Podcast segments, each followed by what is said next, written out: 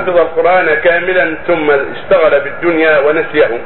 أفيدونا ما جزاؤه؟ عليه عليه خطأ وعليه التوبة والاستغفار ولا يكون يرجع يرجع إلى كتاب الله ويعيد قراءته وتذكر ما فيه وإن شاء الله لا لا هذه زله. أيوه. يرجع إلى الله وليتوب إلى الله ويستغفر لله ومن تاب تاب الله عليه. نعم.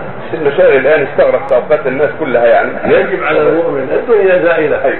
لا يشغل نفسه بالدنيا. ليس له منها الا ما كتب الله له في الحديث من أصبح والدنيا همه جعل الله فقرة بين عينيه وفرق عليه شمله ولم ياته من الدنيا إلا ما كتب له. ومن أصبح واخر همه جمع الله له شملة. وجعل غناه في قلبه. وأتته الدنيا وهي ظاهرة.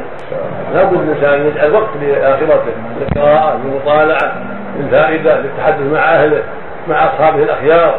ما لا يجعل كل ليله ونهاره للدنيا ولا حول ولا قوة إلا بالله. ثم ليكن من أعظم همه أن يحافظ على صلاه الخمس في الجماعة. كلما مضى الصلاة يكون على باله الصلاة الأخرى.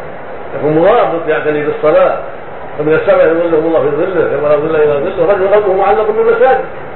ثم فرغ من صلاه يرتقب الأخرى ويسارع إليها في وقتها مع إخوانه. هذا من أهم الأمور بعد التوحيد أن تعنى بصلاته. ثم هكذا أمور دينك أمور دنياك المتعلقة بأهلك بجيرانك.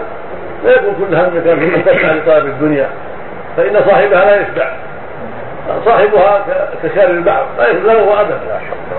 يقول النبي صلى الله عليه وسلم في ابن آدم له أبيض يعني من مال ابتغى له ثالثا ولا يملأ وجهه ابن آدم من التراب.